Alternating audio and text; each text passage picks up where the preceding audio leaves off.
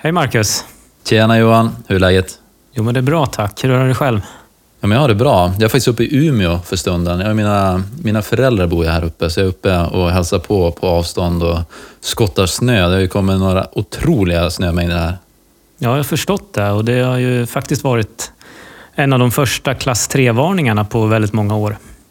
Mm. Och jag har ju lite känningar uppåt landet också. Pappa är ju från Sorsele och så har ju mamma är från Tornedalen uppe mot finska gränsen. Så det har ju kommit eh, mycket snö i, i stora delar av Norrland och inte överallt. Men eh, ja, här är det mycket i alla fall. Ja, jag själv sitter jag ju i Stockholm och här har det kommit kanske fem centimeter. Men, men det är svårt att bli av med det här med tanke på bebyggelse och annat. Så att det ställer till sina problem här också. Ja, det är ju så. Men du, första avsnittet är släppt. Ja, Häftigt. mycket roligt. Och vilken respons. Ja, vi kollade väl statistiken alldeles nyss här och, och eh, det handlar om en 1500 nedladdningar, vilket motsvarar ungefär 1100 övningstimmar till landets räddningstjänster. Ja, då, då blir man ju nervös på en gång. Alltså, vilket ansvar vi har där. Ja, men jag tycker ändå att vi har fått eh, bra respons och väldigt kloka frågor. Ja, men verkligen. Och det är väl det roligaste, att det är många som är engagerade. Det är kul att få många tummar upp. Så det är, det är därför vi gör det här. Och som sagt, många bra frågor. Och det är väl så också att eh, utan frågor så blir det ju faktiskt inga uppföljningar eller kanske inte heller fler avsnitt. Så att vi är ju beroende av dialogen med, med er där ute som, som lyssnar på det här. Ja, och det är ju, som du säger, uppföljning där. Det är ju tanken att vi ska svara på frågor kopplat till det avsnittet som vi har, som vi har haft innan. Då. Så eh, idag blir det lite frågor på tema trafikolycka. Härligt, då kör vi! Då kör vi. Varmt välkomna till RIB Podcast. En podcast för räddningstjänst och av räddningstjänst med Marcus Wallén och Johan Szymanski.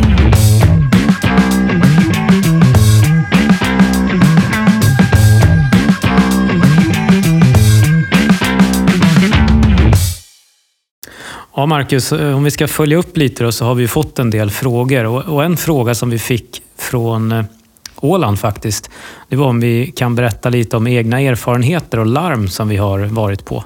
Och jag vet ju att du har haft ett ganska intressant ärende här i närtid.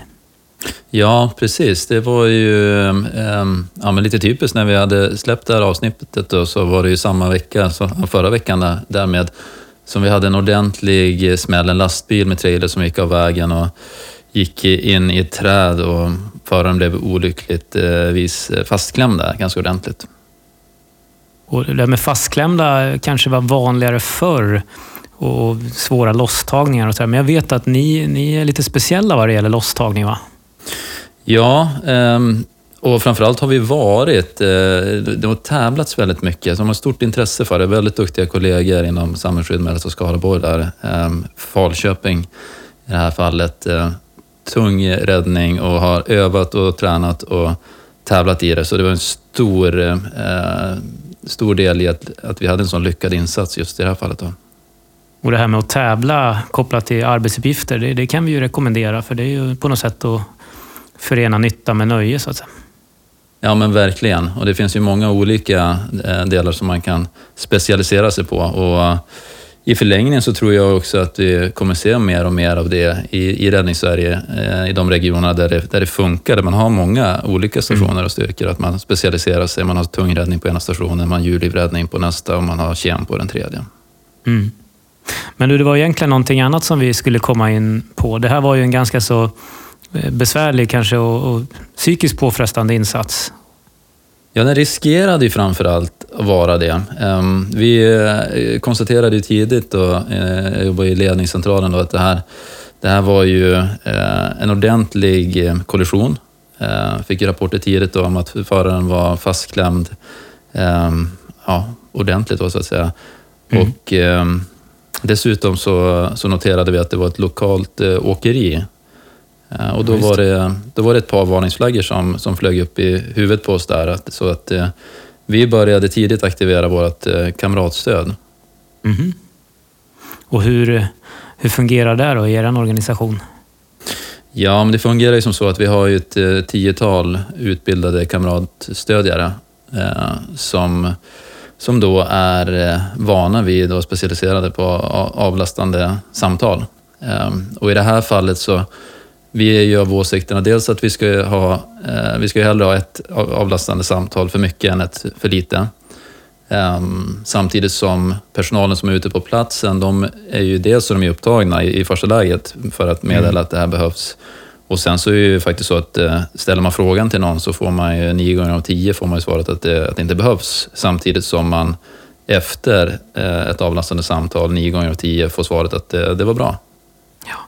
Och, och, min erfarenhet är nog kanske också att eh, den som svarar först kanske sätter prägen på gruppen också. Så att är det den första som säger att nej men det behövs inte så kanske det inte är någon annan heller riktigt som, som vågar eller vill säga att nej men jag behöver nog ha eh, avlastande samtal. Så att jag tror att det är viktigt det som du säger att det här, det här ska snarare vara en rutin än att man ska behöva be om det.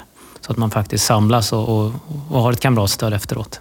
Ja men verkligen och eh, grunden kanske kan vara i att någon form att, eh, jag hoppas de flesta har någon form av lärande efter insatsen, att man har en after action review eller att man har någon form av kunskapsåterföring, eh, mm. vilket är nyckeln till en, en kontinuerligt lärande organisation. Eh, men eh, får man där in de här delarna också så kan det ju bli så att eh, man har en rutin på att alltid ha det. Sen i vissa fall, då, som i det här fallet, där det, det fanns ju risk att det kunde varit en väldigt grafisk situation och de får jobba nära den skadedrabbade. Mm så, så går vi in och, och satsar lite extra. Så att vi, vi hade ju täckt upp beredskapsmässigt, vi rödmärkte styrkan när de kom in.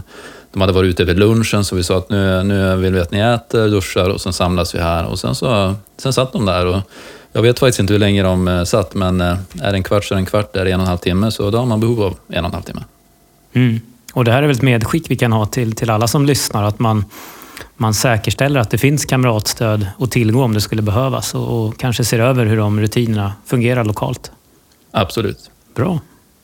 RIB Podcast, en podd för räddningstjänst och av räddningstjänst. Ett annat inspel Johan, det kommer från Trafikverket här eh, kopplat till eh, riskbedömning vid eh, utryckningskörning. Ska vi resonera lite kring det? Ja men precis, vi pratade ju lite sist om inryckning och sen när man väl kommer fram och själva olyckan. Men, men vi har ju faktiskt en väldigt riskbenägen företeelse. Det är ju när vi ska ta oss från brandstationen till själva händelsen. Jajamän, och um, vad ska vi tänka på då? då? Ja, men alltså, det absolut viktigaste, oavsett om vi har blåljus och sirener, det är ju att vi, vi tar oss hela vägen fram utan att orsaka nya olyckor eller skador på oss själva. Ja, och um, med eh, funktionell personal kvar i bilen när vi kommer fram också. Ja, visst. Det är inte någon höjdare precis som alla behöver gå ut och spy masken när man kommer fram. Det, det, det förstår man ju. Men det här är, en, det är besvärligt. Alltså. Det, det, är ofta så, säkert så att det går lite för fort, eh, är nog min uppfattning. Jag har själv kört för fort förstås och även åkt med när det har gått för fort. Eh, så här är det givetvis så att det här, här måste man hjälpas åt tror jag. Givetvis är det chaufförens ansvar, men, men, gruppen måste ju våga säga till att nu saktar vi ner och nu lugnar vi ner oss om man märker att nej, nu, nu, nu kör vi över vår förmåga. Ja, ja men det är väl en bra sammanfattning där, att vi gemensamt så gör vi den eh, bedömningen. Sen är det chauffören som, som kör och bestämmer såklart, men eh, att vi tänker på vad är det för fordon vi framför. Är det ett tungt fordon idag eller är det ett lätt? Tunga fordon innebär helt annan dynamik. Eh, har vi en, en hög tyngdpunkt riskerar vi att välta här i, i kurvan. Är det halt väglag, vad har vi för bromssträckor? Närmar vi oss olyckan, ja men då kanske det första bilen på plats rapporterar bakåt att det är skymsikt, ta ner farten, mm. eh, stanna på krönet eller liknande. Så att eh, eh gemensam riskbedömning och det är ju inte bara eh, mellan räddningstjänstens styrkor utan det är ju alla responderande enheter att man man rapporterar det man ser och på platsen. Och är det halt väglag, då ska det ut på rapstalgruppen, eh, att man varnar för det. Så, så och, det... Och det, det, finns ju också möjlighet att kanske lära sig lite mer om inträffade olyckor. Och, och jag vet att bland annat Trafikverkets utredare, de har möjlighet, i alla fall några av dem, att komma ut på brandstationerna och berätta lite om inträffade händelser och hur man skulle kunna undvikit dem. Så det är ju faktiskt ett, en möjlighet kanske till en, en framtida övning. Verkligen, ja, det är jättebra inspel. Och sen så vill jag också knyta an till det som vi pratade om i avsnittet där att det, eh, det ska finnas en trafiksäkerhetspolicy eller en, en förarutbildning eller liknande på räddningstjänsterna. Så har ni inte sett den, fråga efter den och finns den inte, hjälp till att ta fram den. RIB Podcast, en podd för räddningstjänst och av räddningstjänst. Ja, Marcus, vi har ju fått Eh, en annan fråga också här från Surf eh, som gäller buffertfordon. Det är ju många kårer som, som eh, har FIP eller andra varianter där man kanske inte har tillgång till buffertfordon direkt. Eh, vad ska vi tänka på där? Ja, men det är en jättebra fråga och synpunkt. Eh, det, vi var inne på det på förra avsnittet, att eh, då, då hänvisade vi till eh, 3,5 ton där och att man ska se mm. lättare fordon som, som varningsfordon, att det inte är något barriärfordon. Och det, det stämmer ju fortsatt såklart. Så dels ska man ju då göra sin riskbedömning vad gäller fordonsplaceringen. Och sen så eh, gäller det att få ett stopp på trafiken på, på ett rimligt sätt. Eh, kan man eh, få tag i, i en, eh, kanske en privat eh, lastbil, eh, alltså en, en, lastbil som inte tillhör räddningstjänsten och nyttja den som för ett fordon till exempel? Ja, och alltså, ofta så står det ju fordon i kön som man kanske kan nyttja. Och, men, men, har man inte det, då, då, då gäller det verkligen att, att också vara medveten om att nu har vi inte samma höga säkerhet som om vi hade haft tunga fordon. Och då kanske vi måste placera ut någon person som är säkerhetsvakt eh, ja, helt enkelt, som, som kontrollerar och kan överblicka olycksplatsen för att se om det kommer någon i hög hastighet mot, Eh, mot oss och, riskerar att köra rakt in i olyckan. Mm. Och jag, jag, önskar ju att vi hade ett glasklart svar på frågan och säga så här gör man, men det, det, har vi ju tyvärr inte, utan det är ju att göra riskbedömningen, att vara observant, nyttja de resurser som finns på plats. Som du säger, kollegan där, eh, civil trafik, kan vi nyttja dem? Kan vi nå ut till andra responderande eh, resurser? Mm. Eh, vi kanske har bärgaren, eh, lyssnar på, vi kanske har vi tur så är det en TMA-bil i, i närheten. Eh, mm. Eller eh, att polisen kan ställa sig innan krönet eller vad, vad vi nu ja, men vad vi kan göra för att, för att minska risken. För det, är det så att man kommer fram, man behöver nyttja sin utrustning som man har i sitt, sitt, sitt lätta fordon, ja, då är det en knepig situation. RIB Podcast, en podd för räddningstjänst och av räddningstjänst.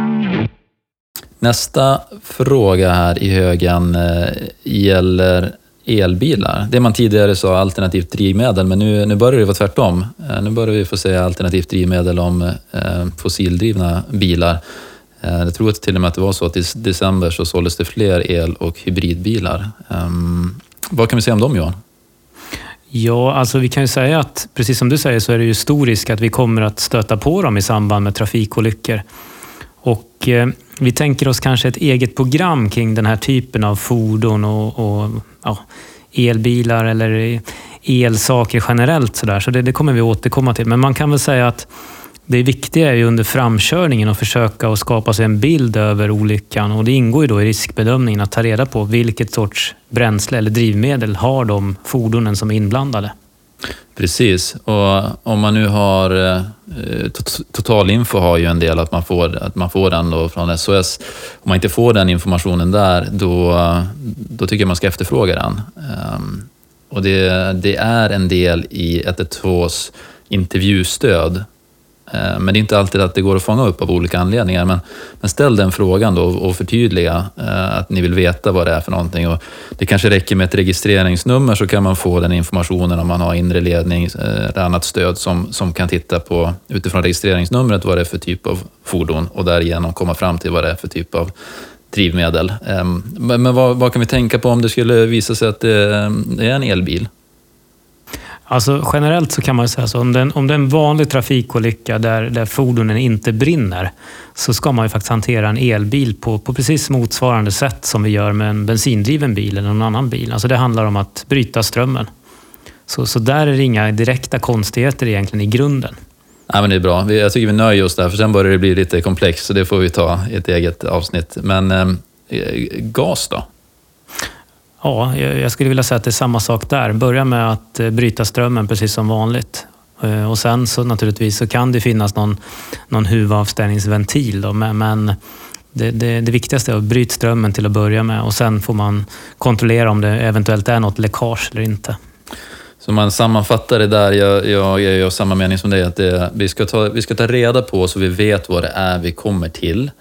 Men är det så att det inte brinner, ja då kan vi hantera det ganska likadant. Eh, men kanske Mm. med, med, med ett visst eh, risktänk där. Vi kanske inte behöver skicka fram all personal på en gång innan vi har stängt av den här eh, eh, motorn eller eltillförseln. Eh, utan att vi, vi tar det lite försiktigare. Om det däremot är så att det, det brinner, ja, men då blir det en helt annan sak. Då måste vi verkligen tänka på riskerna. Det, finns ju, det börjar finnas gott om exempel på, på vad som kan inträffa då, som ställer till lite, lite, ställer till lite extra för oss, får man säga. Ja, men absolut. Men, men det är så pass mycket information så det, det, vi kör det separat. Vi gör det. Mycket bra. RIB Podcast, en podd för räddningstjänst och av räddningstjänst. Ja, Marcus, vi har ju fått en fråga från Värmland också, Filipstad närmare bestämt. Och det kopplar lite till, till vår lägesrapportering, alltså den här OSHMIPen som vi pratade om. Där säger vi ju objekt, skada, hot. Och då undrar man lite det här hot och risk, vad, vad skillnaden är och, och hur ska man tänka där?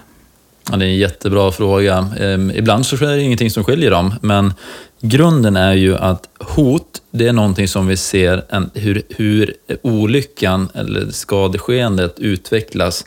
En, en brand hotar någonting annat. Eller vi, vi, vi har ett, eh, ett hot som, som, eh, som vi vill avvärja då i, i själva skadan, medan riskerna är ju för, för oss och, och responderande personal. Ehm, där kan, det ju, vara- där kan det ju vara att det, eh, det kan vara kopplat till hotet, men det kan också vara separat. Jag tror det blir, lättast blir ju kanske om, man, om vi tittar på en lägenhetsbrand. Om, om, om, du- säg att du Johan kommer till en lägenhetsbrand, vad, vad ser du för hot där? Ja, men precis. Låt säga att vi har en lägenhetsbrand på, på övre plan och lågor ut från fönstren. Och då är ju hotet i så fall att det här kan sprida sig till vinden exempelvis. Då. Medan själva riskerna för oss själva, det kan ju vara arbete på hög höjd och liknande. Precis, vi pratade om, kanske om särskilda risker om man vill tydliggöra någonting och, och en risk, eh, riskbedömning och en uttalad risk kan ju också leda till att vi, vi ger restriktioner. Mm. Vi, här rör vi oss inte för, på grund av den här risken, medan hotet fortfarande är brandspridning till vinden. Ehm, Ja. Jag hoppas att det var en, en tillräckligt tydlig eh, uppdelning, men som sagt, ibland kan, de, ibland kan de gå ihop också. Ett bränsleläckage kan ju vara eh, ett hot och en risk. Absolut. RIB Podcast, en podd för räddningstjänst och av räddningstjänst. Och kvällens kanske sista fråga är, eh, Johan, den, eh, den är tydligen, ja, som jag tolkar det, från en anonym. Då. Det är en som frågar åt en kompis. Mhm. Och då lyder frågan så här. Om man under utryckning kör förbi en fartkamera och blir fotad, vad händer då? Ja, vad händer då? Det här är ju ganska vanligt att man blir fotad under utryckning och det som händer då är att Polismyndigheten skickar en förfrågan till den räddningstjänst som det här fordonet tillhör. Och så frågar de helt enkelt om det här fordonet har haft rätt att köra för fort. Och det normala då är att man skickar in händelserapporten till polisen och beskriver då vilken typ av händelse och eh, vem som har kört och så vidare och om personen i fråga var på, på utryckning. Mm. Och så i, i, i normalfallet så är inte det här någonting som når eh, brandmannen, utan det, det, löser, det är som en administrativ eh, hantering. Men eh, för att knyta tillbaka till vad vi pratade under avsnitt ett där om, om eh, ehm, prioritet på larm, så eh, är det här en, eh, en, en, en av anledningarna till varför vi ska ha koll på vilket prioritet det är på, på just vårat ärende och det vi gör. Är det ett prio 1-larm eh, eller prio 2? För visar det sig att, det, att ni har varit på en, en beredskapsförflyttning eller åkt på eh, ja, men icke eh, brådskande eh, uppdrag mot, alltså på, mot brytpunkt till exempel, Mhm då, då kan det bli klurigare. Ja, precis. Och, och jag brukar också uppmuntra att är det så att man utlöser en sån här fartkamera så kanske man ska meddela det bakåt direkt så man kan dokumentera det här i händelserapporten också. För då vet man ju om att det kommer komma en fråga. Men helt klart är det ju så att skulle man åka förbi en fartkamera och den blixtrar när man inte har utryckning, alltså prio 1 eller 2, då är det precis som att köra vilket fordon som helst. Då är det ju föraren är ansvarig för att hålla hastighetsbegränsningen, även fast vi sitter i ett utryckningsfordon. Mm. Så det gäller att hålla tungan rätt i mun där och inte vara för tung på, på gaspedalen. Så är det. RIB Podcast, en podd för räddningstjänst och av räddningstjänst. Så där, då var ju alla frågor avklarade som var kopplade till trafikolycka. Sen har vi fått många andra också, men de sparar vi till senare tillfälle. Så nu tar vi väl och knyter ihop säcken kring trafikolycka och blickar framåt Johan. Absolut, det tycker jag. Och då är bara frågan om vad vi ska fokusera på framåt. Ja, eh, vi har ju diskuterat det här och vi tänker ju som så att vi, eh, vi har fyra förslag och sen eh, överlåter vi valet till lyssnarna. Mm, spännande. Ja, så vi, vi presenterar förslagen här och sen eh, får det ske en eh, omröstning då på eh, en eh, vald Facebook-kanal som de flesta hittar till. Perfekt. Du börjar då. Vilken blir första ämnet? Ja, men första eh, alternativet, nu ska vi ha haft en trumvirvel, det kanske vår tekniker får lägga in sen, där, men eh, det är juridik. Eh, att vi, vi har ju pratat om det flera gånger här, att vi, ja, det ska vi ta sen och det är det här. Och, eh, om intresse finns så går vi igenom eh, lagar och tittar på hur kopplar de till olika delar under räddningsinsatsen, före, under, efter. Eh, vad har vi för skyldigheter, vad har vi för mandat och, och hur ska vi tänka? Så det är väl alternativ ett mm. då. Vad ska vi ta sen Johan? Ja, nästa föreslår jag är brand i byggnad. Och där tänker vi oss givetvis något liknande från start till mål, men, men också lite extra fokus på, på de här lite tveksamma fallen. Exempel skulle kunna vara att man larmas på en tjutande brandvarnare, men i övrigt så finns det inte riktigt några tecken på brand. Och koppla då, vad har vi för mandat, eh, skyldigheter och vad kan vi egentligen göra? Ja, men det är bra. Det, det, där vill jag också förtydliga att eh, vi kommer ju inte prata om strålförarteknik och, och, och, detaljerad brandsläckning, men det kommer säkert bli lite om omedelbara åtgärder, uppstart och, och sådana delar också. Absolut. Bra. Eh, alternativ tre då? Ja, där tänker vi oss vattenlivräddning. Eh, allt möjligt. Det kan vara båtar, det kan vara kustbevakning, Eh, drunkning och så vidare. Eh, dykare också. Det är ju inte alla riktigt som har räddningsdykare. Hur ser det ut hos er? Nej, det, de är långt borta. Ehm, men det där är, det blir jättebra. Jag ser fram emot att höra frågorna kring sånt ämne. Vad, vad är man intresserad av? Är det kustbevakningens ansvar eller är det sjö, sjöräddningen, polisen, vårat, hamnområde, kanaler, eh, olika typer av vatten, ehm, forsande vatten, stilla vatten och så vidare. Nu la jag lite extra krut på den, för annars så kommer ingen att välja den, tänkte jag. Men vi, vi får väl se. Eh, vad stod det sist på listan då? Ja, då har vi utryckningskörning, en liten fördjupning. Ja, precis. Den här, den tycker jag de ska rösta på.